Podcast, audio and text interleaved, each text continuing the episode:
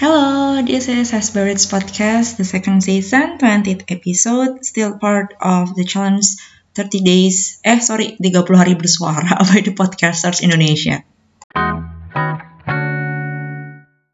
Mengusung tema inspirasi, gue awalnya pingin ngebahas buku-buku apa aja sih yang bikin gue terinspirasi. Seingat gue, gue pernah nulis untuk salah satu media online mengenai lima buku yang bisa mengasah atau memantik kreativitas kita. Kemudian gue pikir-pikir lagi, ah kayaknya itu masih terlalu pasaran deh. Kayaknya teman-teman yang lain pasti lebih punya banyak referensi soal buku-buku yang menginspirasi mereka untuk menjadi orang yang kreatif, atau menjalani hidup dengan lebih produktif, atau untuk menjalani kehidupan dengan lebih slow, dengan lebih mindful. Gue rasa referensi gue masih belum ada apa-apa dibanding referensi teman-teman yang lain. Akhirnya gue sempat refleksi juga, apa sih yang sebenarnya gue syukuri di 2020 ini? Adakah sosok yang membuat gue terinspirasi untuk keep up with the activities that I love so much, yaitu membaca, berbagi di platform online, hingga mempertahankan baca bareng hingga bisa sampai setahun lebih. Dan gue memutuskan ingin sharing melalui Hasbro's Podcast ini orang-orang yang secara personal memberikan gue inspirasi to keep going, to choose on what next book I should read. Jadi bisa dibilang hmm, apa ya teman-teman yang sebenarnya mungkin bukan such as public figure kayak Maudi Ayunda atau Cinta Laura atau orang-orang yang pernah di feature di Instagramnya at Klub Buku Narasi. Tapi orang-orang yang secara personal emang gue kenal, emang gue pernah berinteraksi dengan mereka. Even tahun ini kami tidak bisa ngapa-ngapain secara langsung ya, secara offline. But I think interaksi secara online melalui DM-DM yang di Twitter atau Instagram mereka cukup dan masih sampai sekarang menginspirasi gue untuk terus bergerak dan belajar. Oke, okay, so I will start ini di tahun 2020 ya teman-teman karena kebetulan tantangan 30 hari bersuara ini adanya di bulan Desember jadi menurut gue it's pas aja gitu untuk menominasikan siapa aja sih orang-orang yang bikin gue akhirnya merasa terinspirasi.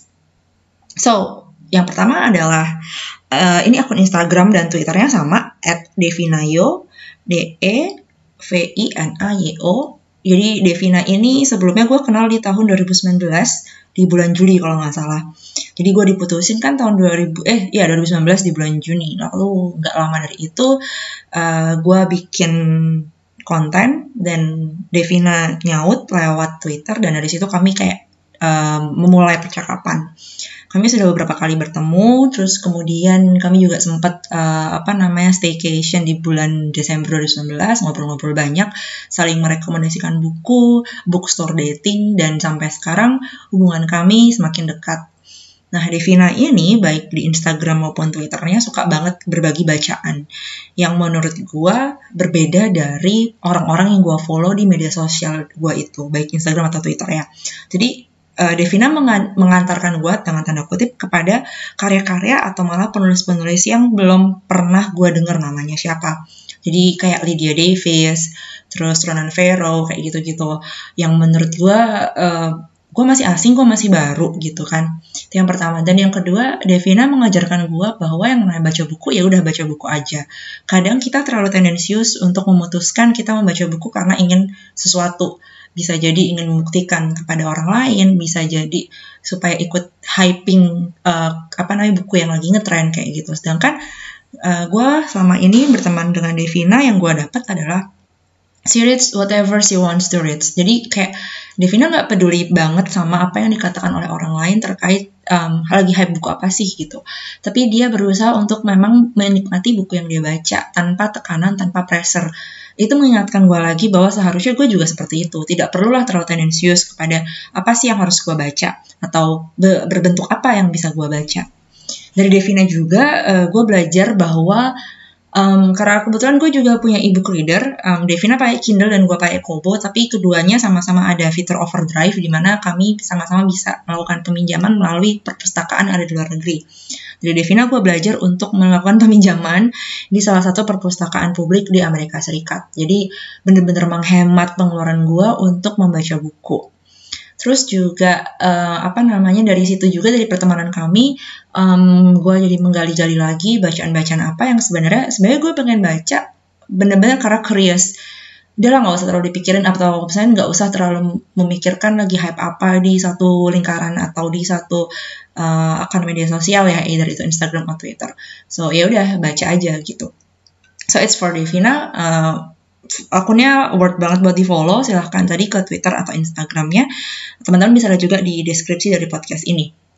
Lalu yang kedua adalah Grace uh, akunnya sama Twitter dan Instagramnya at I am Grace huruf I huruf M, G, R, I, S, S. Jadi Grace ini adalah salah satu partisipan dari Budget Bareng Tangerang di tahun 2019. Karena belum ada corona kan ya, jadi kami masih bisa bertemu secara offline. Gue baru bisa datang ke Baca Bareng Tangerang itu pada pertemuan kedua, kalau nggak salah di bulan Oktober. Kalau nggak salah ya. Nah, eh, pada bulan itu uh, Grace adalah satu partisipan, dia berbagi soal buku yang dia baca dan kebetulan dia baca itu karena uh, member GTS ada yang baca. So she's an army dan yang gue salut adalah uh, dia sama sekali tidak takut untuk menunjukkan identitasnya yang adalah seorang army barangkali um, umur gue sama umur Grace nggak beda jauh gitu malah uh, ya bisa dibilang sepantaran.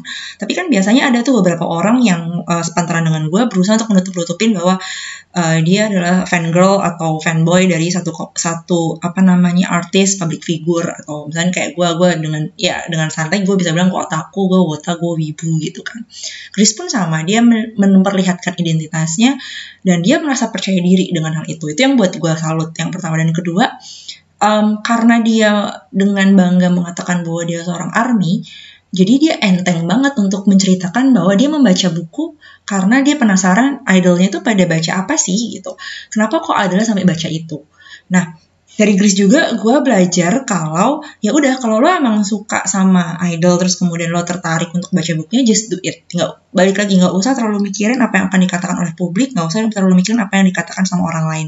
Jadi menurut gue dari situlah yang bikin gue uh, apa ya namanya tertarik untuk memfollow akunnya dia. Selain karena emang fitnya rapi banget dan Grace tuh orangnya suka journaling jadi gue gua merasa bahwa dari Grace gue belajar banyak untuk menerima diri apa adanya dan baca. Balik lagi mungkin sama kayak Devina baca apa pun yang emang pingin pingin kita baca tapi um, apa namanya dari dari gua ngefollow Grace akhirnya gue paham bahwa selera kami berdua itu 11-12 yang artinya nggak jauh beda.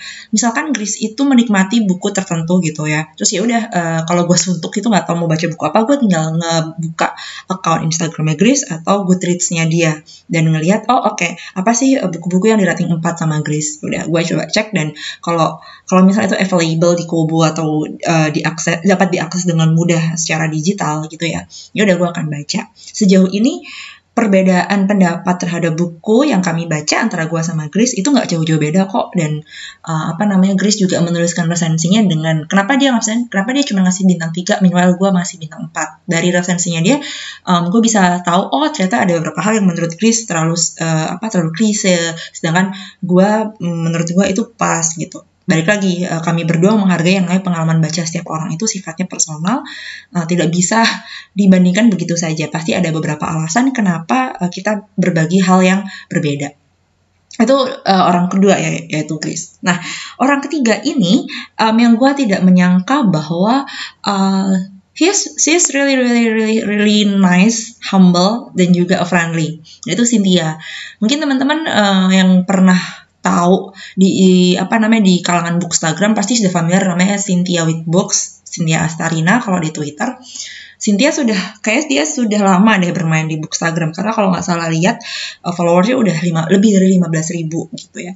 Tapi di balik 15 ribunya itu ternyata Cynthia orang yang humble, orang yang ramah, yang apa ya namanya, dia nggak segan-segan untuk uh, nimbrung di percakapan atau di komen kolom komen ya kolom komentar dari bookstagram yang lain atau account yang lain yang bahas soal buku yang kebetulan mungkin dia baca atau dia emang suka atau dia penasaran tuh. Terus abis gitu Cynthia juga santai banget untuk menunjukkan apa yang dia baca. Dia jujur sekali bahwa dia memang menikmati buku-buku puisi, dia memang menikmati buku anak-anak.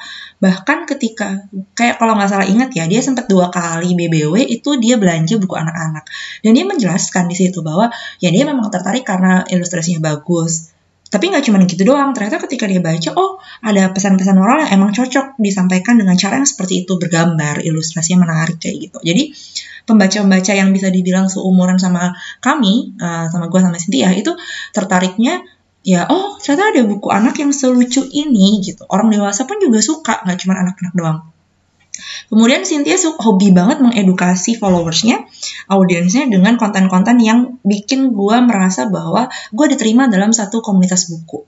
Jadi selain Instagram feednya nge-review soal buku-buku yang sedang dia baca, tapi juga kadang mengedukasi. Contoh, emang salah kalau kita baca komik? Nah kayak kayak gitu tuh. Atau kenapa sih uh, apa namanya apa sih yang harus diperhatikan kalau kita mau beli buku atau mau belanja buku online? Atau misalkan uh, apa namanya menimbun buku perasaannya gimana? Kayak gitu gitu jadi menurut gue gue kayak semacam mendapatkan backup energi dari seseorang yang uh, punya influence besar nih ya dibanding gue yang followersnya cuma berapa gitu ya uh, kalau dibanding sama Cynthia yang udah 15 ribu udah udah berlebih berpengalaman dan nyemplung duluan dalam dunia bookstagram gue merasa wah kalau misal uh, apa namanya para bookstagram ini seperti Cynthia yang dia jujur terhadap identitasnya, dia menginfluence secara baik dan tidak melakukan book shaming gitu. Gue gue yakin sih ntar teman-teman yang lain yang awalnya masih malu-malu untuk bilang bahwa dia itu suka baca buku ya akan nanti akan coming out untuk ngomong bahwa ya gue juga suka kok baca buku meskipun baru buku anak-anak. Itu wah itu membuat gue terinspirasi untuk keep keep on moving.